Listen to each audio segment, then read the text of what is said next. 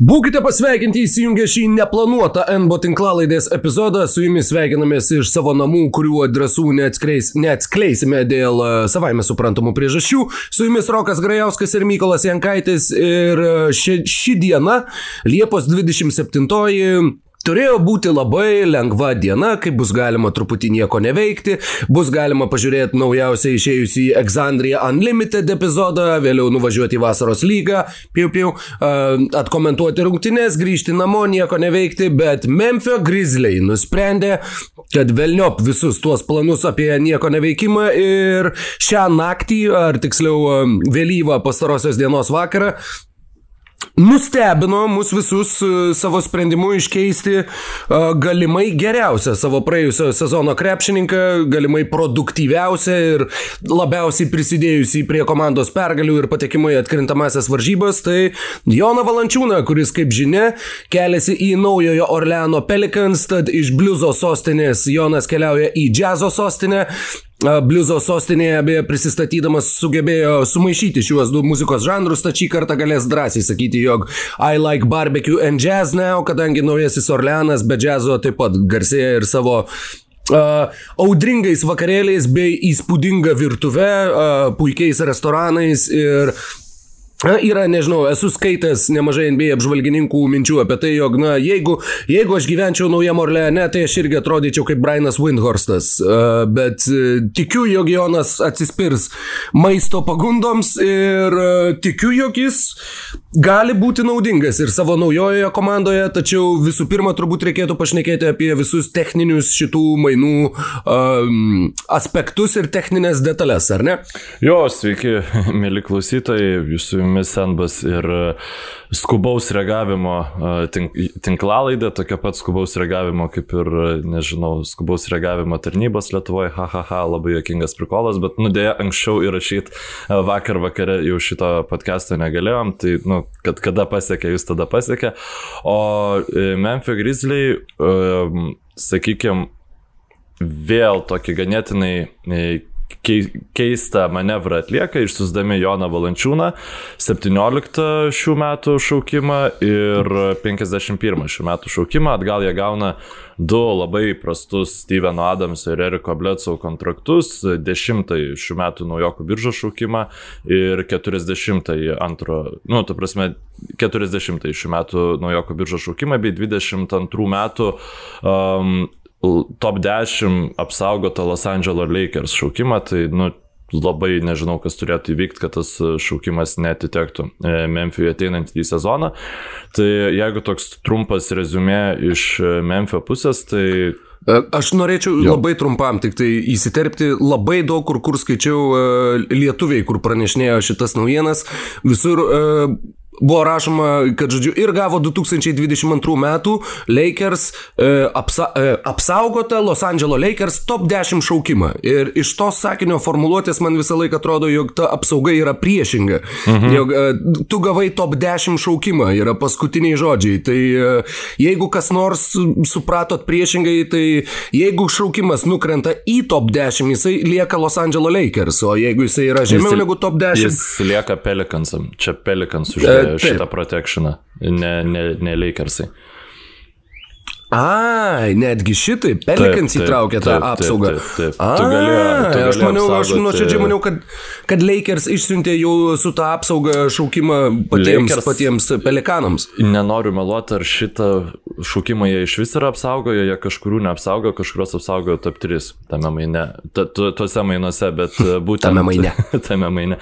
E, bet šitas būtent yra top, top 10 apsaugotas Pelikansų atveju, tai jeigu ten bus koks šeštas ar okay. septintas, tai E, Pelikans lieka, tada jis ten persikelia į kitus metus, žodžiu, nu jeigu Grizzly jo negauna ir šitų detalių, bent jau man dar nepavyko rasti, bet nu niekam, čia šitas niekam neįdomu. Galbūt pradedam nuo, nuo Jono Valančiūno, labai uh, an, antri Valančiūno main, mainai iš eilės, kuomet labai skaudžiai juos pasitinka lietuvių žiniasklaida, lietuvių fanai, nu toksai maždaug um, išdavystė iš Memphio pusės tokia juntama, kaip čia taip, Jonas taip gerai jums čia žaidė, jisai iš Raptorsų atėjęs toks profesionalus buvo ir taip toliau, o jūs jį išmainot, nu, reikia suprasti, kad jo, Jonas Valančiūnas niekada nebuvo tokio statuso krepšininkas, kurio komanda neišmainytų dėl, sakykime, kažkokių savo ateities planų geresnių. Ir um, akivaizdu, kad turbūt pagrindinis dalykas Memphis šitose mainuose tai yra tas top 10 šaukimas. Kalbama, kad jie labai nori Joshua Gydai, o, o, o australų gynėjo šių metų naujokų biržoje, bet e, Jonas Naujo Orleano Pelikans, e, kaip, kaip tu manai, kiek kitokia bus jo rolė toje komandoje, kiek jam šiaip galėtų tai turėti įtakos jo ateities kontraktui?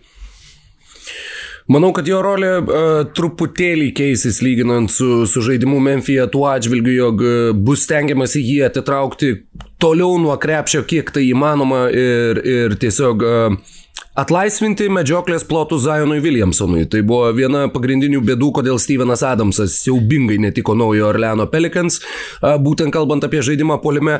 O Jonas Valančiūnas taip, na, jis gali pataikyti ir iš vidutinio nuotolio ir aš nenustepčiau, jeigu pamatytumėm agresyviau jį metant į tritaškius, jog būtent tokia bus vizija ir jog to bus iš jo tikimasi, to Bruko Lopezo ar Marko Gasolio, žodžiu, tokio, tokio pobūdžio transformacijos, bet Manau, jog ir toliau jo minučių laikas nesieks 30, kaip nesiekė ir Memphija pastarajame sezone. Ir Turėtumėm nepamiršti, jog Memphis turi ir Jacksoną Heisą, kurį pasikvietė pakankamai aukštų šaukimų uh, Uber atletišką vidurio polėją su tiesiog neįtikėtinu šuoliu ir, ir dideliu fiziniu potencialu. Ir labai mažai uh, tad... smegenų, atsiprašau. Ai, taip, jisai sakė NBA, kad gali čiulpti jo šį bei tą už tai, kad jo neįtraukė į naujokų ir antramečių draugiškas rungtynės visų žvaigždžių savaitgalio metu. Jo, na, smegenų atžvilgių dar irgi yra kur paukti, bet, na, Įsivaizduoti, kad ta situacija naujajame Orleane bus kažkuo labai stipriai, kardinaliai kitokia negu buvo Memphija, kaip ir nereikėtų. Plus, mes dar nežinom, kaip atrodys naujo Orleano Pelikans sudėtis kitame sezone, kadangi jeigu Memphijui pagrindinis laimėjimas buvo tas top 10 šaukimas, tai Pelikanam pagrindinis laimėjimas yra nusimesti kontraktus, atsilaisvinti laisvos vietos algų kepurėje ir dabar jie turi galimybę arba išsaugoti Lonzo Bolą ir potencialiai Jacksoną Heisą, atsiprašau, Josh Joshą Hartą, tie patys inicialai, kaip įdomiai susimaišė, arba bandyti įsigyti laisvųjų agentų rinkoje kažkokį kitą įžaidėją, dabar jie yra labai garsiai siejami su Kailu Lauri, jog tai yra neva pagrindinis jų taikinys šioje laisvųjų agentų rinkoje ir jog tai yra, na, irgi tas e, kopijuojantis žingsnis, jog, žodžiu, mes matėm, ką padarė Phoenixas, dabar mums reikia rasti savo Krisapolą ir tada viskas bus puiku. Na, tačiau faktas, kad e, būti garantuotų, jog Kailo Laurį įsigijimas tave irgi taip ryškiai kilstelės į viršų, būtų pakankamai naivu. Viena iš tų keistų minčių, kurios šovė į galvą, naujasis Orleanas, jeigu nepratęsia kontraktų su Hartu ir su Bolu, turi 36 milijonus laisvų dolerių savo savo algų biudžete. E, Kailas Laurį neva tikisi tarp 25-30 milijonų e, metinio užmokesčio. Bent jau teoriškai e, naujasis Orleanas gali surinkti originalų We the North trejetą ir pasiūlęs kontraktą ir Demarui DeRozanui atgaivinti Raptors trijulę naujajame Orleane. Žinoma, tai nebūtų visiškai racionalu, Demaras DeRozanas absoliučiai netiktų tai komandai, tačiau vien tai, kad tokia teorinė galimybė yra, mane privertė nusišypsoti apie tai pagalvojus. Taigi, atleiskit, kad šitoj tinklalaidai apie Jono Valančiūno mainus tenka tokius atlikti lyrinius nuokrypius, bet jau dabar, ne, kadangi pats užsiminė apie Demarą DeRozaną, tai ne, negaliu nepasakyti savo nuomonės apie jo naują rolę naujoji komandai. Aš manau, kad e, kai jau jeigu jis pakeis klubą, tai jisai ten bus kaip atsarginis žaidimo kuriejas. Naudojamas, kad, e, nu, jeigu jis jį ims laiminti komandą. Bet e, grįžtant prie Jono Valančiūno, tai pirmiausia reikia pradėti nuo tos idėjos, kad Jonas Valančiūnas bus aikštė išplenčia aikštę išplečiantis penktasis numeris, kurį sklando interneto platybėse, nors sakyčiau, č... jo, paminėjo, net... galvoju, netgi kažkas iš tokių Va, už, gerbiamų e, apžvalgininkų.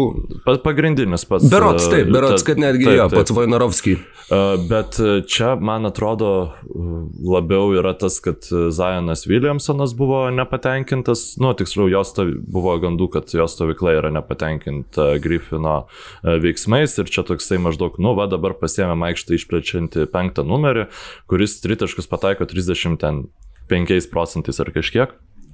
Pataikė Jonas... 21 viso praeitame Taip, sezone, tad ne, ta imtis tikrai nėra didelė. Jis neišmetė 60 tritaškių. Ja. Ir dar yra dalykas, kad, na, kuomet e, Jonas meta tritaškus, jo metimas yra labai labai lėtas, nu, tu prasme, jis ten e, užsitaisinėja labai ilgai tą metimą, tai kažkaip, nu, man sunku įsivaizduoti, kad jis padarytų tą tranziciją, kurią padarė Brukas Lopezas. Reikia pabrėžti, kad Brukui Lopezui buvo 27, kuomet e, jis metė po 0,2 tritašką per rungtynės ir jam jau buvo, nu, tad 28 metų sezone jis metė po 5,2 tritašką. Valančiūnui jau yra 29 metai. Nu, ta prasme, visiems tai yra e, labai reikšmingas amžiaus skirtumas, bet, e, na, tikrai nenoriu sakyti, kad čia Jonas Valančiūnas kažkoks labai blogas ir blogesnis už Adamsą, tikrai, tikrai ne. Jis žymiai, ta prasme, e, naujo Orleano Pelikans turės turbūt geriausią priekinę liniją pick and rollo e, klausimų lygoje. Nu, ta prasme, nebent vienas Anthony Davisas, galima sakyti, yra, kad geriau už Zajaną Williamsoną ir, ir Joną Valančiūną, bet bent jau reguliariajam sezone, tai šitie du bičiai, nu, rinks taškus tik daina. Ir jeigu um, Pelikans pasiims tą patį Kailą Laurį arba, nežinau, kokį Spencerį Dinvidį, nu, kažkokį su kamoliu gerai galinti mm, pick and rollus atlikti į žaidėją, tai būtų labai labai įdomu. Ko aš nuogastauju iš Pelikans pusės, nes, nu, šiaip šitie mainai, kol niekas nėra atlikta, kol nėra pasiimti pašaukti žaidėjai, naujokų biržai, kol nėra išnaudota ta laisva vieta algų kepuriai, nes aš manau šitie mainai taip pat parodo, kad Lonzo Bolas nelieka naujo Arleno Pelikans gretose, nes jeigu jie nebūtų jų atlikę, jie visiems būtų galėję jį pasilikti. Ta prasme, Lonzo Bolo tiesiog būtų jau reikėję mokesčius mokėti. Akivaizdu, kad jie nenori mokėti tiek pinigų, kiek Lonzo Bolui reikės uh, jų atseikėti, norint pasilikti, nes kalbame, kad labai jų Čikaga nori, žodžiu, dar vienas lietuviškas ryšys. Uh, Jo, ir jie turi tik tai ankstyvasias Lonzo Bolo Berdo teisės, ne, jeigu aš neklystu, nes apribotas. Trejų metų jisai, ai, teisingai atsiprašau, dėl apriboto, tai taip, bet būtent dėl e, algų kepurės viršymo klausimų. Jeigu jie turi tik tai ankstyvasias teisės, tai yra jeigu jisai ten nėra sužaidęs trijų pilnų sezonų, tuomet atsiranda papildomi apribojimai ir tu negali uh, taip laisvai ne, viršyti tai, tos algų kepurės. Jis buvo išsimainytas krepšininkas. Išsimainyti taip. krepšininkai tu gauni kartu su jais ir jų birdo teisės. Jo, teisingai, tu teisus, tu teisus. Tai, žodžiu, čia buvo klaidinanti informacija tiesiog pasirodžiusi vėl, vėl vienas iš tų, man atrodo, nu, iš kai išėjo šitie mainai iš tų tvytų, tai vad, kad e, šita algų kepurės e, situacija dabar leidžia Pelikansam daryti tą ir tą, taip implikuojant, kad maždaug Lonzo Boloje negalėjo pasilikti, bet jie tikrai mm, galėjo. Bet matai, šiuo atveju jie, jie galbūt gali neviršyti prabangos mokesčio ribos. Taip, ir bet... tokiu būdu tai, tai jiem atlaisvina tą, sakykime, leidžia jiem pasirašyti didesnį kontraktą su Lonzo Bolu, negu kad jie būtų galėję pasirašyti neatlikę šitų mainų. Nu, Tad prasme... įtakos vis vieną tam sprendimui šitie mainai turi. Tu, jie, tu turi vis vieną daugiau laisvės. Šit prabangos mokestį galėjo, nu tiesiog jie to nenorėjo daryti. Taip, bet aš, taip, aš taip, manau, nenorėjo tai, to padaryti. Būtent. Aš manau, kad tai indikuoja, kad jie ne, visiems nepasiliks Lonzo Bolo, jeigu statyčiau tai tikrai statyčiau, kad e, nežais jisai naujajame Orlene, nes, nu, tiesiog taip gynyboje krepšininkas geras, aikštais mato gerai, bet e, per mažai pavojaus sukelia jo žaidžiami pick and rollai. Per mažai uh, aikštė, nu, aikštės tai neišplečiantis krepšininkas yra. Ir labai įdomu, ką darys yeah. naujasis Orleanas su uh, Brandonu Ingramu, kuris irgi labai aiškiai matėsi, kad, nu, netinka prie Zajono Williamsono. Ir Zajonas Williamsonas yra tas bičias, aplink kurį mm, viskas turi lipdytis ir tą yra nusiteikę daryti naujo Arleną Pelikans, Valančiūnas paimtas už šitų, sakykime, klausimų, tai ar Ingramą galbūt bandys kažkur įkeisti, iškeisti kažkokį laimėk dabar e, režimą, bet čia tada vėl e, eina į tas pačias klaidas e, nu, Pelikanai kaip ėjo su Anthony Davisu, kuomet kiekvienais metais vis bandoma būdavo apstatyti Davisą kažkokiais krepšininkais, kurie padėtų jam laimėti čia ir dabar. Tai aš bijau. Du kad... žaidėjai Pelikanų sudėti pernykštį, pernykštį rotacijoje, ten atmetus, nežinau, Venijaną Gabrielį, kuris sužaidė gal penkerias rungtynes. Du žaidėjai metė bent jau vidutiniškų procentų, turiuomenį lygos vidurkį. Tritaškius tai buvo Brandonas Ingramas ir Lonzo Bolas. Ir atsižvelgiant į tai, kad jie žaidė kartu su Eriku Bledsoe, kartu su Stevenu Adamsu, kartu su Zainu Williamsonu, tu, jūs esat vieninteliai du žaidėjai, kurie apskritai gali realistiškai na, pataikyti iš toli bent kiek aukštesnių procentų. Todėl tie metimai automatiškai buvo sudėtingesni ir todėl tas procentas, aš manau, kad jeigu jie sugebės surasti dar vieną va tą penktą krepšininką greta, jeigu tenai liktų Bolas ir Ingramo, Williamsono ir Valančiūno, dar vienas žaidėjas, kuris re, tikrai būtų pavojingas sniperis, manau, kad tada pakiltų ir Ingramo ir Bolo rodikliai, kad ir nežymiai, tačiau vis viena jie pakiltų į viršų. Ir būtent tritaškis metimas, Lonzo Bolas atėjo su ta etikete, kad jisai visiškai visiškai negali mesti iš toli, tačiau dabar e, jo, jo skaičiai kyla su kiekvienu sezonu ir uh, tas jo metimas nebėra toks, na, sakykime, tokia jau ryški silpnoji vieta, kokia jinai buvo jam dar žaidžiant Los Angeles Lakers. Bet ar tu įvardintum tai kaip jo stiprėją vietą? Uf, viena iš, Stipriausios dvi vietos, kurias turi įvardiniai, tai yra aikštės matymas ir perdavimai bei žaidimų kūrimas, na, visas tas komplektas ir žaidimas gynyboj. Tai yra tos stipriosios jo vietos, tolimo metimo, sakykime, išnaudojimas nėra toks, toks pavojingas varžovams ar naudingas komandai kaip šitie du prieš tai paminėti sudėdamieji komponentai, bet tai tikrai nėra jo silpnybė. Na taip, iš tikrųjų dėl to, kadangi nebuvo aplinkui metikų, jis tų tritaškų ir metė labai nemažai, nu tiesiog tas pats... Virš aštuonių per rungtynės, kadangi, man atrodo. Kadangi tas žaidimas, jisai, nu, ne, netrodė geras. Tiesiog e, esant visam šitam kokteiliui krepšininkų aikštėje, nu, aišku, dabar jau Bletsos su... Ir Stenui Vengandy diriguojant taip, šitam kokteiliui aikštėje. Taip, mes visiškai nežinom Willy Grino kaip trenerio, jis e, treniravo, buvo asistentas dviejose, nu, sėkmingose komandose, tai Golden State Warriors asistentas iki 19 metų buvo nuo 16 berots ir nuo 19 iki 21 metų Phoenix Suns asistentas buvo. Taip, ir jis žaidė žaidęs ilgus metus lygoje. 2010-aisiais buvo iškeistas, buvo Filadelfijos ir Naujojo Orleano mainai ir dabar galvoju, kuris į kur išvyko, bet uh, kad Su kažkokiu, ten buvo po du žaidėjus, bet iš esmės tie, tie žaidėjai, kurie buvo ryškesni tuose mainuose, buvo Vili Grinas ir Darius Songaila, kad jie buvo iškeisti faktiškai vienas į kitą ir man šitas kažkodėl labai įstrigęs dar iš 2014 metų. Nu jo, aš Vili Griną irgi atsimenu kaip tiesiog NBA, tiki, NBA Live, atsiprašau, NBA Live krepšininkas, šiam aštuonio overalas ir važiuojam kokį tritaškį vieną kitą įmetam.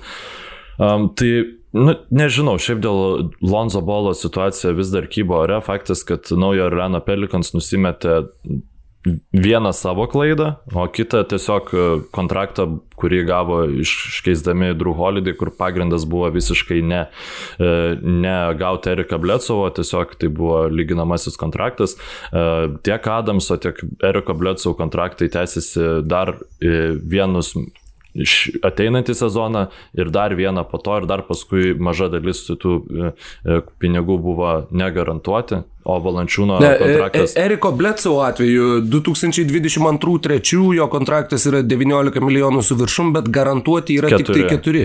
Aha, tai okay. jis faktiškai, jis, jis nėra kaip ir uh, expiring, tas besibaiginėjantis kontraktas, bet tuo pačiu jis ir, ir potencialiuose mainuose gali būti labai įdomus būtent dėl to, kad jeigu kažkas norės nusimesti kontraktą ir prisekti kažkokį papildomą šaukimą, tai tokie žaidėjai yra labai patogus dėl to, kad tu susirbi juos kaip va, 18 milijonų vertės krepšininką, bet kitais metais gali išmokėti 4, sutaupyti 15 ir būti uh, nusimetęs kažkokį ilgiau gal, galiojantį kontraktą, kurio tau, kurio tau nereikėjo ir kuriuo tu norėjai atsikratyti. Tad šituo atžvilgiu jo yra įdomu, plus Erikas Bledsoe, kiek teko skaityti, jau dabar jam ruošiamas Andrei Guodalos specialus sutikimas, tai yra, kad tu gali net nevažiuoti pas mus, mes tau ieškosim naujos komandos, mums visiškai, visiškai neaktualu, ką tu gali pasiūlyti šitam klubui. Nu, čia Tad ir... Stevenas Adamsas faktiškai yra vienintelis iš tų, nu, vat, dabar žaidžiančių. Uh, komponentų, kuriuos gauna Memphis Grizzly ir žinoma tie, tie šaukimai tiek 10, tiek ir 40, tiek ir uh, Lakerių šaukimas kitais metais, kuriais Memphis gali turėti tris pirmo rato šaukimus ir irgi pabandyti, na tai ir, ir geras pamatas mainams ir tuo pačiu galimybė pasipildyti kažkokiais jaunais talentais. Um, Stevenas Adamsas, mano nuomonė, nu šiaip Kaip tu manai, ar Valančiūnas yra geresnis krepšininkas už Steveną Adamsą dabar? Taip, nu, Taip, tiesiog. Per... Šiai dienai, šiai dienai tikrai taip. Aš irgi šiaip esu tokios nuomonės, manau, kad Adamsas nėra labai geresnis kovotojas dėl atšokusių kamolių negu Valančiūnas, net ir, ne, nu, ir ta prasme, plus, net plus ir yra... įtraukus tą atitverimo e, jo. statistiką, žodžiu. Antra vertus, aš įsivaizduoju grizlius matančius e, Westbrooką su Stevenu Adamsu ir įsivaizduojančius, kad nu va čia jau Morantas dabar atrodys, e, nu, Taip pat. Taip, Adams, esi... Adamsas padarys iš Moranto Westbrooką. Nu, ta prasme, arba tiesiog pakels Morantą į aukštesnį lygį, sakykime. Nu, irgi gal variantas, žinai, pasižiūrėti, su kokio tipo centrais tam ža Morantui yra geriausiai žaisti prieš jau mm, formuojant savo komandą tokiam ilgalaikiam projektui, priemant kažkokius reikšmingesnius sprendimus. Bet uh, tas Grizlių, va, pavyzdžiui, Gudalos įėjimas, tai jie nieko iš jo. Nu, realiai jie gavo Justisą Winslow, kurį dabar panašu, Kur, kad jie... Kurio irgi paleis. dabar nu, nori atsikratyti. Nu, tikėtin, jeigu, nes jeigu jie turės mirusio, uh, mirusią algą šito Adamso, uh, Bledsoe ir dar Winslow pasiliks, tai bus nu, labai brangi, labai vidutiniokų pilna komanda, tai nemanau, kad jie tą darys. Kad Blets, jeigu jie už Igudalą, kuris buvo tuo metu prisiminkim, už žiauriai e, paklausy prekę, tai nebuvo dabartinis Igudalo, tai buvo Igudalo, kuris e, žaidė ką tik finalo serijoje, buvo vienas pagrindinių pagalbininkų kari kuris dar visai pakovojo ten prieš uh, šitą to, Toronto Raptors. Mhm. Net Bledsoe jau yra nurašytas, jis e, buvo nurašytas kaip žaidėjas galintis padėti kontenderiam, nu, ta prasme, nes matėm, kad Milwaukee Bucks neveikia jisai. Tada mes galvom, kad, nu, va, ateisi nuo Erleno Pelikans vidutiniokų komanda reguliariam sezonui, jis ten galės daryti. Kas, aš, aš galvojau, kas taip galvom? Ai, aš galvojau a, okay. ir tikrai internete mačiau man, mano nuomonę paformuojančių idėjų. Nu, aš tikrai, ta prasme, aš atsiminiau, kaip jis Phoenixą žaidė, galvojau, nu, blemba greitas krepšinis, Erikas Bleso reguliarus sezonas, why not? Nu, ne, nesuveikia ir šitas, žodžiu, tai dabar, nu, rolė, kur romantikai jam paaišo, tai kad, žodžiu, nutrūko labai atsarginio žaidėjo Memphis Grizzly praėjusią sezoną, ten Jonesas kaip ir ne, nelabai prigijo. Ne, Taisas Jonesas e, visada turi vienus geriausių ten tų analitinių skaičių. Kitas dalykas, D'Antoni Meltonas e, puikiai atrodė atsarginio įžaidėjo pozicijoje. E, tas pats Graysonas Alanas kartais kontroliuodavo kamuolį. Jie turi atsarginių įžaidėjų ir atsarginių įžaidėjų jiems netrūksta. Nu, Būtent įvardinant Meltoną ir Jonesą. Jeigu jam taip netrūktų tų atsarginių žaidėjų, tai gal dėl nežaistų, nu ta prasme, nebūtų ta tokia siubinga statistika, kai Žamarantas ne nežaidžia, ypač ten atkrintamosios ir panašiai. Nu, nes, e, ne, kodėl? Ja. Kai, kai Džemorantas buvo traumuotas, jie žaidė labai padoriai ir, ir nu, ten turėjo netgi pergalių seriją. Kai playoffuose nu, playoffai yra, yra kitas krepšinis, jo, bet nu, aš nemanau, kad tu Erika Blecau renkėsi savo playoffams būti nu, atsarginių žaidėjų. Teoriškai. Nu, atsarginių aš... gal dar, bet prisiminkim, žinai, kaip koks Reggie Jacksonas, nu, at, pavyzdžiui, pra, prieš sezoną, jeigu būtumėm kalbėję, tai mes būtumėm sakę, kad, nu, niekam jis niekada negali būti naudingas, žinai, nei kaip atsarginis, nei kaip pagrindinis žaidėjas. Tai aš bandau mokytis nenurašinėti taip greitai ir kategoriškai tų krepšininkų, nors nu dabar Eriko Blecau reputacija yra labai labai žinai. Žinai dar plus, ką, ką padarė uh, Grizzly šitoj situacijai.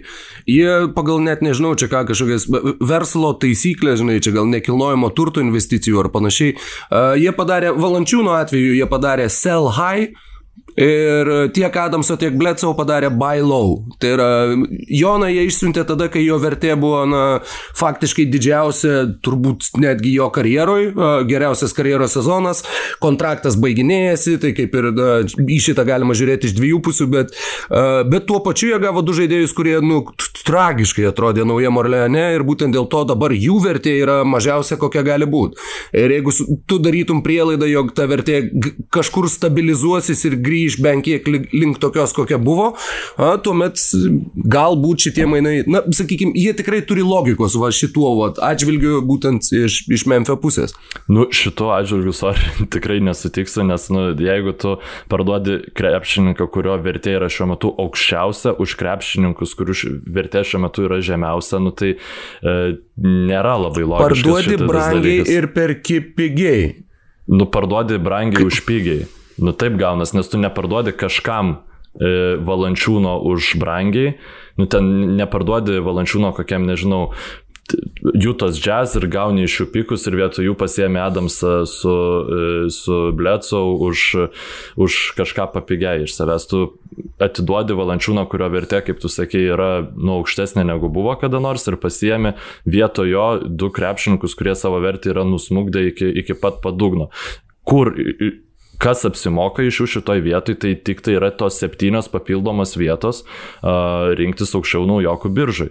Ir, nu tai, ar, ar tai bus uh, Mitchelo situacija ar ne? Va, čia, čia yra realiai pagrindinis klausimas, kuris atsakys, ar Memphijui apsimokėjo šitas sprendimas ar ne. Ar Ta tai prasme, tai Mitchelo situacija. Nu, kuomet uh, Denverio Nuggets padarė įimą, kad pasiimtų -hmm. krepšininką. Trey Lylesą. Ta prasme, atsiprašau, ne, ne Nuggets, o Jutas Jazz atidavė Lylesą ir savo žemesnį šaukimą, kad pasiimtų Don mhm. Mm Mitchellą. Nu tai dabar jeigu, e, aš nežinau, koks ten pozicijų skirtumas buvo, ar, ar, ar man atrodo septynios ir buvo tarp jų, ar septynios. Panašus, ar... galbūt truputėlį žemiau. Gal devynios, aš, aš, nu. Nuggetsai bet... pasėmė tą baltodį bičią, kuris nieko taip Va. ir nenuveikė ir jo dabar net nebėra pas juos. Berods. Jo, jo, jo, jo, jo. jo Ką tu, ne, ne, ne, ne Lylesą, o turiu minį žemesnis šaukimas, kurį jie gavo. Buvo. Gal, bet dar jo. buvo ir tas dar vienas Laidonas.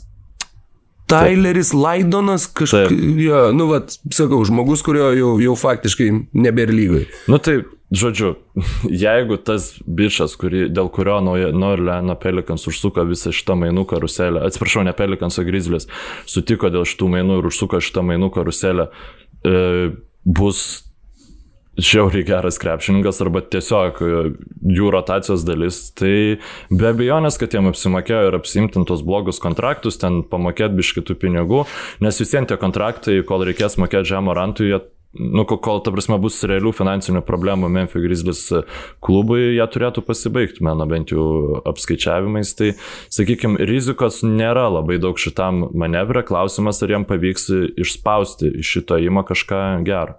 Tai vat, toksai pagrindinis dalykas. Ir dar Bet tai yra, yra ir tokia, uh -huh. Uh -huh, tokia įdomi situacija, kad jie faktiškai žengia žingsnelį atgal, ką jaunos komandos, kurios viršyje lūkesčius, dažniausiai elgesi priešingai, jos tada va, nežinau, kur 13-14 Phoenix'o Suns, kur laimėjo 49 rungtynes, nors buvo nusiteikę rinkti pralaimėjimus ir tada patikėjo, kad jie yra labai gera komanda ir pradėjo atlikinėti tuos įimus, kurie tada ir sugriovė visą tą jauną komandą. Tai šiuo atveju Memphis išėjo į atkrintamasis ir vietoj to, kad, vat, o, burtų viską aplinkui tą brandolį, jie tiesiog patys savo tarsi pasakė, kad ne, mes, mes kol kas dar, žinai, mes 222 mes čempionais netapsim, 224-5 galbūt galim. Tai mums mums geriau jau vat, būtent konsoliduoti tą, ką mes turime dabar ir tą paversti va, tais ateityje figuruosinčiais žaidėjais, nes Valančiūnas su besibaiginėjančiu kontraktu, na, galbūt ir būtų likęs Memphije, bet na, šiuo atveju matom, kad ne. Čia pa, palėtė e, mintį, apie kurią aš kaip tik norėjau prieš tai pasakyti, bet tavo tas, e, ta idėja, kad taip, tai yra nestandartinis ėjimas e, jaunai besivystančiai komandai, tai aš labai pritariu ir labai šiaip palaikau iš tikrųjų. Tik tai, nu, klausimas, kaip tai yra žengtas žingsnis, manau, logiškai ir e, pozityvę linkme, tik tai klausimas, ar dabar žengus tą žingsnį jie nenueis visiškai šunkeliais. Nu, ta prasme, nes ne, negalvokim, kad visada visos komandos priims e, e toliau gerus sprendimus, irgi neidealizuokim, žinai, bet um, Taip, nes tai tikrai, sakykime, duot valančiūnui penkerių metų kontraktą, ten tada tą patį Meltoną, žinai, pratesti ten belė kiek ir apsistatyti, nu, įtvirtinti tą sudėtį, kurią jie dabar turi ir dar pasirašyti kontraktą, nežinau, su, žinai, su kokiu vidutinioku, kuris mm -hmm. ten mhm. sutvirtinto, ale Chandleriu Parsonsu ir panašiai. Tai, e, Neprimink Memphiui Chandlerio Parsonsu. Tikrai būtų didelis peilis, bet dėl valančiūno būtent besibaigiančio kontrakto, tai tokia tokia idėja man visai patiko, kad galbūt buvo su juo bandyta pratęs kontraktą ir galbūt tiesiog jie nesusitarė. Mhm. Ir Memphis. Taip, nes norėdamas... dabar, kadangi jo, kadangi metai liko, jie jau galėjo a, pradėti dėrybas dėl kontrakto pratesimo. Taip. Na, oficialiai, man atrodo, jie pradėti dėrėtis galės ten tik kažkada vėliau, bet nu, mes žinom, kad... Nuo turbūt, kad laisvų agentų pradžios, bet vat, būtent tam pačiam Memphije mes ir matėm puikų pavyzdį, kad tie susitarimai dažnai vyksta ten ir, ir keletas bent jau dienų prieš tai. Jo, Tad tos darybos jo. jo galėjo vykti ir gali būti, kad jo, kad jie tiesiog ne, nerado susitarimo uh, ir, ir galiausiai nuspręsta buvo išsiųsti valančiūną į kitą komandą. Uh, Mykolai, kaip tau atrodo, kiek realistiškas yra toks scenarius, kad uh, Pelicans, va štai atlikę ten tuos visus savo dar tik tai atliksimus įėjimus, e, galiausiai artėjant mainų lango užsidarimui, mato, kad jie yra 11-12 vakarų konferencijos komanda ir nusprendžia išsiųsti valančiūną į kažkuria iš, iš potencialiai dėl žiedų kovosinčių ekipų, kurią jisai domintų ir, ir a, jį išsiunčia būtent tuo vadinimu rental principu, tai yra, kai tu pasiimi žaidėją, kuris po sezono taps laisvojų agentų. Nu jo, ir kad gali paskui pratęsti jo kontraktą. Tai čia um, pirmiausia, galvojant apie šansus, reikia ne tik apie situaciją pagalvoti, bet pagalvoti, kiek tų čempioniškų uh, komandų, kiek turės krepš uh, to, sakykime, neigiamo konta, kontrakto, kad galėtų tiesiog išsiųsti atgal už valančiūną. Nu, nes tu nenorėsi atiduoti, žinai, kažko bileko. Pagrindinių savo krepšininkų, taip. Tačiau jo. 14 milijonų nėra toks didelis kontraktas. Plus nu, tai yra surinkti.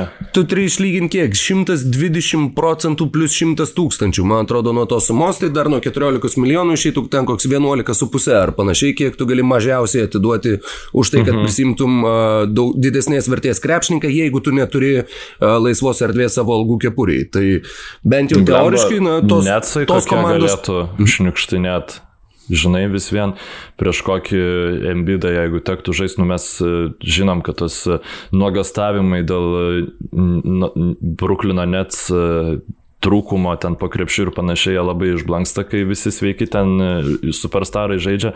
Bet nu visien, jie pratinga organizacija yra manau, nespjautų į tokį variantą.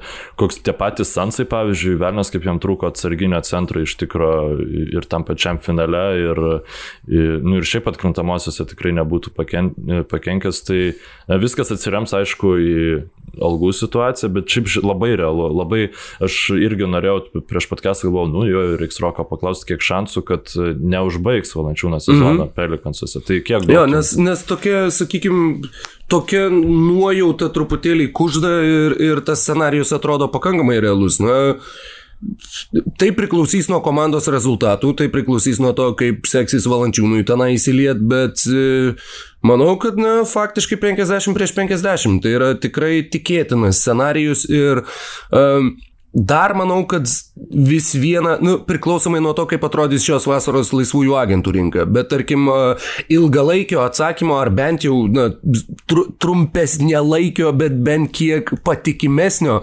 atsakymo vidurio polėjo pozicijai neturi, pažiūrėjau, Charlotte's Hornets. Oi, kurie... Hornets, Valančiūnas, čia būtų... Mm. Mm, mm, mm, labai gerai būtų. E, tikrai žiauriai, šiaip norėčiau, at kur norėčiau valančiūną, tai uh, Hornetsuose pamatyti uh, labai būtų, nu, tiesiog, aišku, ir, ir, ir Grizliuose buvo gera situacija. Jo, ir ta situacija iš tikrųjų buvo nu, net labai gera, atsimenant tai, kaip sureagavom į jo išsiuntimą į Memphį, kai atrodė, kad čia jį ištrėmė į, į kažkokią visiškai na, NBA trečią planę skylę, kurioje tikrai nieko čia įdomaus nebus ir kaip čia dabar Raptorsai kovos dėl žiedo, čia Jona štai kaip išsiunti.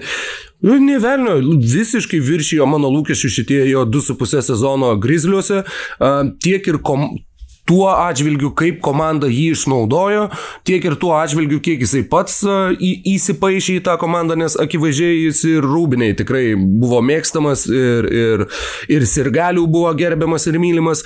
Bet yra va, tas dar vienas aspektas. Memphis, kai išsimainė Joną Valančiūną, jie jį gavo kaip pagrindinę detalę už geriausią savo faktiškai visų laikų klubo žaidėją, na, tokį e, ryškiausią pėdsaką palikusį visų laikų klubo žaidėją Marką Gasolį. E, tai pagrindinė figūra, kurią tu gavai už savo didžiausios žvaigždės mainus, nu, tu esi kaip ir suinteresuotas sukurti jai kažkokias sąlygas, kad, kad niekas tavęs nebadytų pirštais už tuos mainus. Tu nori, kad tas žaidėjas, kurį tu gavai, gerai atrodytų tavo komandai, e, komandoje. Naujo Orleano Pelikans tokio, tokio įsipareigojimo, to teorinio neturi visiškai. Tu jį gavai salary dump mainuose, kur tu nusimetinėjai kontraktus ir tu, o štai gavai kažkokį žaidėją.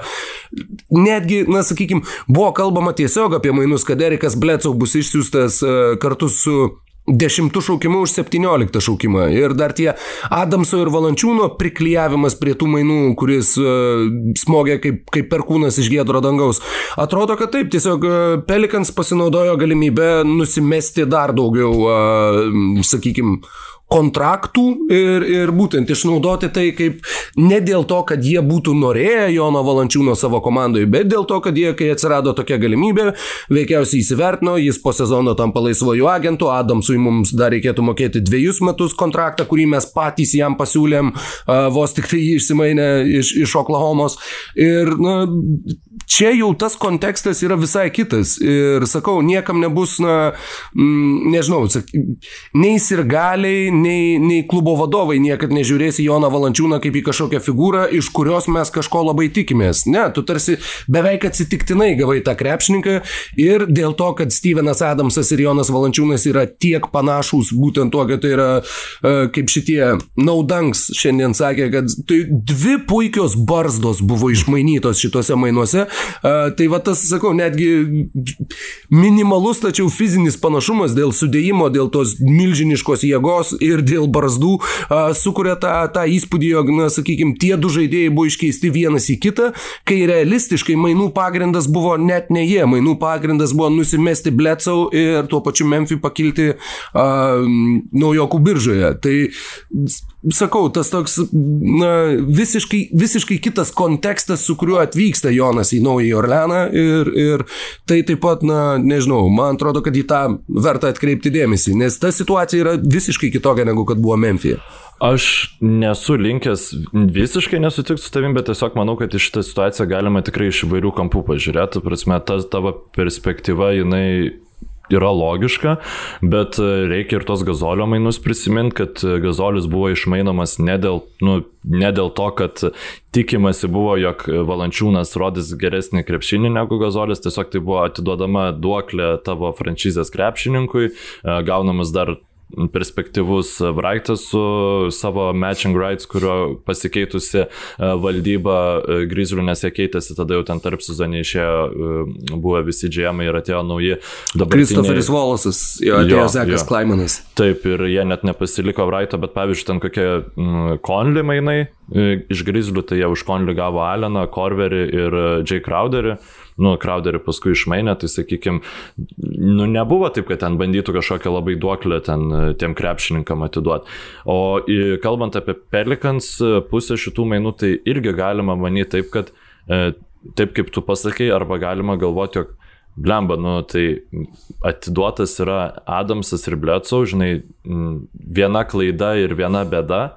Ir vietoj jų ateina krepšininkas, kurį mes nu, tikrai norėtumėm parodyti, kad e, tai yra, nu, kaip čia pasakyti, mes mokomės iš savo klaidų, uh, mes tai yra Griffinas ir um, jisai žymiai labiau tinka prie Zajono Williamsono ir aš iš tikrųjų norėčiau biškirtą optimistinę perspektyvą papaišyti, nes mes čia, nu, lygiai taip pat kaip į Grizzlius perėjo, aš pats buvau kaltas, aš tikrai buvau to, tam traukinį, kuris sakė, kad čia yra Jono kaip krepšininko NBA mirtis. Nu, ta prasme, kad jis ten uh, Grizzliuose pasidarys Somerų Ašikų ir, ir taip toliau toliau ir taip toliau. Nu, ta prasme, kad iš konkuruojančios organizacijos perėjo į besivelkančią. Tai dabar irgi yra panašių nuotaikų, bet Zainas Williamsonas praėjusią sezoną pradėjo žaisti savo Point Zion e, krepšinį, kuris buvo iš tikro sukaustantis tiek statistikos prasme, tiek e, iš tikro ir vizualiai. Nu ir blemba, jeigu tu sakei, pavyzdžiui, kiek tu, kiek tu norėjai to Sabonio ir Valančiūno pick and roll pamatyti Lietuvos rinktiniai, Tai Zajono ir Valančiūno pick and rollas tikrai gali būti rimtas dalykas ateinantį sezoną, nes Valančiūnas gali gerai, jis ten tų tritaškų nesvaidys, bet jisai papopinti ten iki kokio vidutinio nuotolio, bent jau tam, kad nu, pritrauktų tą centrą ginantį Zajoną, jisai tikrai gali.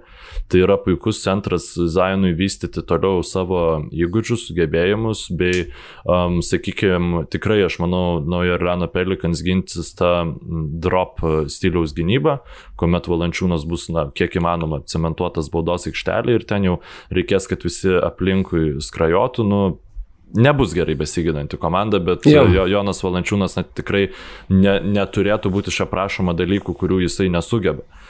Ir konkurencijos jam visiškai nėra. Jacksonas Heisas, nu, jis aš nežinau, aš pernai nieko nepamačiau tame krepšininkė, kuris kažkaip tobulėtų, nes jis... Šuolis. Nu, jis bet jo, to, tobulėjimo atžvilgių bet... tikrai, tikrai, kol kas sunkiai, bet e, manau, kad vis viena Pelikans norės jam duoti minučių, kad jisai nu, galėtų tobulėti. Ir, Taip, ir... bet e, ne, ne tiek, nu, ne, neduos tiek minučių jam, kad e, Valančiūnas liktų nuskriaustas. Aš tikrai manau, kad jisai žais normaliai, tiesiog negausis galbūt tiek metimų, kiek gaudavo Memphis Grizzlies komandoje, nu, bet čia jau yra nu, jeigu tiesiog yra už tave talentingesnių krepšininkų, nu, tai taip ir būna. Nu, čia, čia nėra didelės problemos. Svarbu, kad jisai, sakykime, leistų komandos žvaigždai rodyti gerus rezultatus, tuo pačiu komandai rodant gerus rezultatus. Jeigu taip vyktų, tai tada gali būti ir kontraktas pratesiamas ir, ir, ir tikrai įdomus dalykai. Um, aš, aš tikrai matau tą optimistinį scenarijų, žinok, ne mažiau negu pesimistinį. Na bet įsivaizduoti, ar tiksliau sulyginti Joną Valančiūną su Grizliu visą gyvenimą bus šimtą kartų lengviau negu su Pelikanu, bet e, dabar jau tokia šita kaipgi dievė tai vadinasi, na, žodžiu, a, animalistinė asociacija yra, yra gerokai pasikeitusi. Kas Teks... dar šituose mainuose yra, yra tau įdomu ar patraukia tavo akį? Nu tai įdomu yra tai, kad e, reikės lietuvių žurnalistam šiek tiek pasitemti antraštėse, nes po e, geros Jono Valančiūno mintie, e, nakties nebebus galima rašyti, o Grizzlis ten, žinai, vėl grizliškas pasirodymas, nes, nu... Nes ten... Sugrizlėjęs man visai patiko, nes, žinai, jeigu gali būti sužvėrėjęs, tai kodėl negali būti sugrizlėjęs? Supelikanėjęs dabar bus, tai čia. Kad supelyjas nebūtų ir... Jo, tai čia, svarbiausia. čia toksai e, mažiau svarbus dalykas, bet šiaip tai, nu, aš turiu prisipažinti, priblaškė šitas, žinai, kiek, kiek yra gandų sukas ten e, aplink viską, žinai, apie ten Simonsą, Makolumą, Bradley bylas kiekvieną dieną. Šiaip e, kokią nesąmonę, nu, ta prasme, jau dabar rimtas gandas skaitosi tai, kad Bradley bylas svarsto gal reiktų paprašyti mainų. Žodžiu, nu, svarsto taip, taip, taip. apie galimybę paprašyti mainų, nu tai čiū, kad, nu, kas čia per naujieną, nu čia visiškai nieko nereiškinti naujieną, ta prasme. E, tiesiog, Bet žinai, jinai, kad... matai, jinai, jinai generuoja klikus, jinai jo, generuoja jo, diskusijas, jo. jinai va štai dabar jau, u, kad galbūt bus Simonsas už bylą, jeigu bylas pareikalaus mainų ir jeigu Derilas Mori ne, neįsispirs į žemę ir nelauks, kol to paties Lillardas padarys, a, žodžiu, iš to, iš to kuriamas turinys. Tai Čia pakankamai suprantama, nors jo svarsto galimybę paprašyti, nu tai yra tikrai į tai įsigilinus yra absurdiško lygio spekulacijos, bet, bet labai panašiai buvo ir su Damienu Lillardu, kuris vargšas jau aš nežinau kilintą kartą sakė uh, po šitų pastarųjų gandų, kad visa informacija apie mane ateina iš manęs. Ir jeigu aš nesakiau, vadinasi, tai, kas, ką rašo kiti, tai nėra mano nuomonė, tai nėra, ne, nedėkite citatų į mano lūpas. Jeigu bus kažką, ką aš norėsiu pasakyti, aš pasakysiu pats. Ir, žodžiu, ir vis viena, nepaisant to, vat, beveik, beveik su kiekvienais metais tie gandai atsikartoja. Dar vienas, na, sakykime, aspektas, kuris šiuo atveju jau nėra susijęs su mainais, na, tik tai dalinai susijęs su mainais, bet e, keletų sakinių, kaip, kaip tu vertintum ir kaip tu matytum Lonzo Bolą Čikagos Bulls klube. Um, Manau, kad Zakui Lavinui tektų e, žengti žingsnius e, net, prasme, bukeriškus žingsnius, kad tas duetas veiktų. Tai yra biški išmokti daugiau žaisti be kamulio, bet aš jau, man atrodo, kažkurioje tinklalaidėje minėjau, kad šiaip gal visai jisai ir sugebėtų tą padaryti. Mm.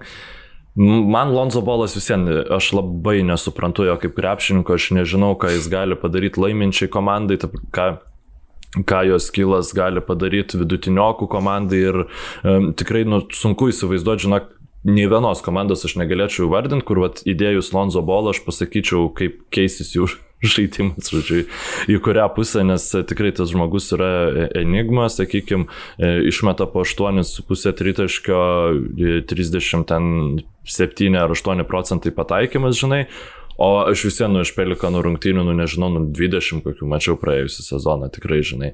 Ir man visi visada atrodydavo, kad jisai nu, nes, nepraplečia aikštės. Nu, ta prasme, kad, kad kai, kai, kai jis, žinai, yra, um, ta Kad jį ignoruoja. Ne, kad, nu, ta prasme, kad yra po krepšių besiveržiantiems krepšininkams sunkiau, negu kad jeigu vietoj jo būtų, žinai, koks tiesiog, nu, tiesiog paprastas bičias, kuris ten pataiko iš toli. Tai um, labai įdomu, ar toliau vat, ta iliuzija laikysis. Uh, nežinau, pavyzdžiui, ir Šiaip manau, kad valančiūnui tai būtų geriau, kad e, Lonzo Bolas išvyktų. Nu, nėra tai labai gerai pick and roll žaidžiantis krepšininkas. Jisai gerai mato aikštę, bet tai yra, tai yra labiau tranzicijos gynėjas, kurio perdavimai, sakykime, Zainui ten per visą aikštę kontratakų metu, tam pačiam Lavinui ten aliejų pusmėtit ar panašiai. Ir šiaip pat Bulsose vėl su Vučevičiu man kažkaip Nusakau, jis atrodo nesuderinamas su žiauriai daug krepšininkų. Kur aš jį įsivaizduoju, tai Milwaukee Bucks žaidžiant. Tarkim, va, tikrai va dabartiniuose baksuose aš, jeigu jisai nepamirštų kaip mėtytų tritaškų, tai aš manau, ten nu, nuostabiai tas kilas visas tiktų. Bet jeigu kalbant realistiškai, tai labiausiai norėčiau, sakau, įdomu būtų Dinvidį pamatyti, E, aišku, labai didelė rizika, kaip jis atrodys po traumas, bet lyg ir kalbama, kad jau jis dabar yra sveikas ir galintis žaisti krepšinį, jo tas ACL buvo įplyšęs taip, kad tie likę audiniai, jie buvo sveiki, nepažeisti. Žodžiu, ir dėl to tos operacijos invazinės neprireikė, jinai, jie, nu, kaip ir sugyjo. Žodžiu, o pavyzdžiui, kuom tai skiriasi, nes Leonardo irgi buvo e, ACL dalinai plyšęs, bet tie audiniai, kurie liko, tai jie nu, jie buvo neplyšę, bet jie buvo pažeisti, žinai. Tai jau ten žymiai ilgesnis e, tada rehabilitacijos procesas. Tai vad ši, šitos žinios lyg ir skatino optimistiškai galvot, kad e, kažkuri NBA komanda gali pridėti o aukšto kalibro žaidėją, kas gali iš esmės tikrai mums atnešti kokybiškesnio krepšinio.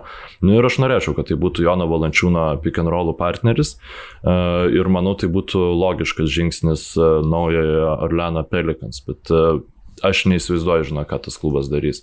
Aš nežinau, ar jie, ar jie eis į win now režimą, arba sakau. Manau, kad taip. Manau, kad taip, bet šioje vietoje jo, ta prasme, yra, atrodo, daugybė scenarijų, kuriuos tu gali įsivaizduoti, ką jie gali padaryti, bet kažkodėl nėra pasitikėjimo, kad jie padarys teisingai. Aš norėčiau, kad, kad jie pasielgtų teisingai ir kad jie pasistatytų gerą komandą, kuri, nežinau, eilę metų būtų top 4 vakaruose ir žaistų bent jau konferencijos finale, bet, bet kažkaip turbūt dėl tiesiog tos netolimos istorijos, dėl būtent Anthony Daviso situacijos, dabar taip pat atrodo, kad, na, yra didelės rizikos ir, na, Duok dievę, bet sakau, yra tas, tas kažkoks nepasitikėjimo, nepasitikėjimo momentas. Aš kadangi aplinkų mane vis labiau temsta, tai galiu vis, vis daugiau pasakyti. vis, vis daugiau paslaptingais žodžiais sakinių užbaigti. Jo, šiaip jau patruputį, man atrodo, ir išsiemėm šitą temą, tada pabaigai tik tai tinklalaidės Mm, informuojam klausytojus, kad e, naujokų biržos karštos reakcijos nebus, nes nu, tiesiog visiškai e, taip tokiu durnu laiku jinai vyksta, kad e, niekaip neturim kada atvažiuoti rašyti, tai bandysim galbūt pirmadienį, galbūt kažkada, nu, iki kitos yra, yra, yra ir dar vienas dalykas. Um, Kiek teko skaityti labai daug apžvalgininkų ir, pažiūrėjau, tų žmonių, kurie kalbina visokius generalinius vadybininkus, kurie anonimiškai atsakinėja jų klausimus, tikimasi yra, kad būtent šis tarpsezonis mainų atžvilgių bus freaking rekordinis, nes labai mažai kas turi vietos algų kepuriai uh, ir laisvųjų agentų rinka taip pat nėra labai ypatingai stipri šiais metais, tad, uh, sakau, tikimasi, kad tų mainų bus labai daug ir žiūrėk, ar, ar dar šią savaitę mums uh, ne, neiškils situacija, kurioje reikėtų uh, tos, kaip tu labai teisingai įvarnai, staigios reakcijos uh, tinklalaidės. Jo, jo, žaibiškai. Jo, bet, nu, vat, vat, sakau. Gali būti, kad bus į ką reaguoti, tai e, net nebejoju, kad e, ir kitoje tinklalaidėje tikrai bus apie ką pašnekėti. Naujokų biržos naktį taip pat tikrai bus mainų, kuriuos atliks klubai. Matysim, kokio kalibro žaidėjai tuose mainuose figūruos. Gali būti, kad ir ten matysim kažką labai labai įdomaus.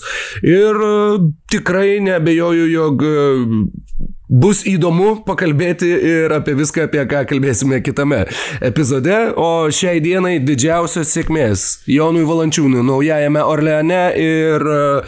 Uh, Sakau, jau Torontą jisai paliko kaip mylimas ir gerbiamas, Memphis jis paliko kaip mylimas ir gerbiamas, dabar atėjo eilė naujai Orleaną užkariauti būtent tuo uh, pagarbos atžvilgiu ir nuoširdžiai norisi to ir palinkėti mūsų aukšto ūgiui uteniškiui. Iki. Visiems laimingai ir sėkmės Fade to Black. Woo!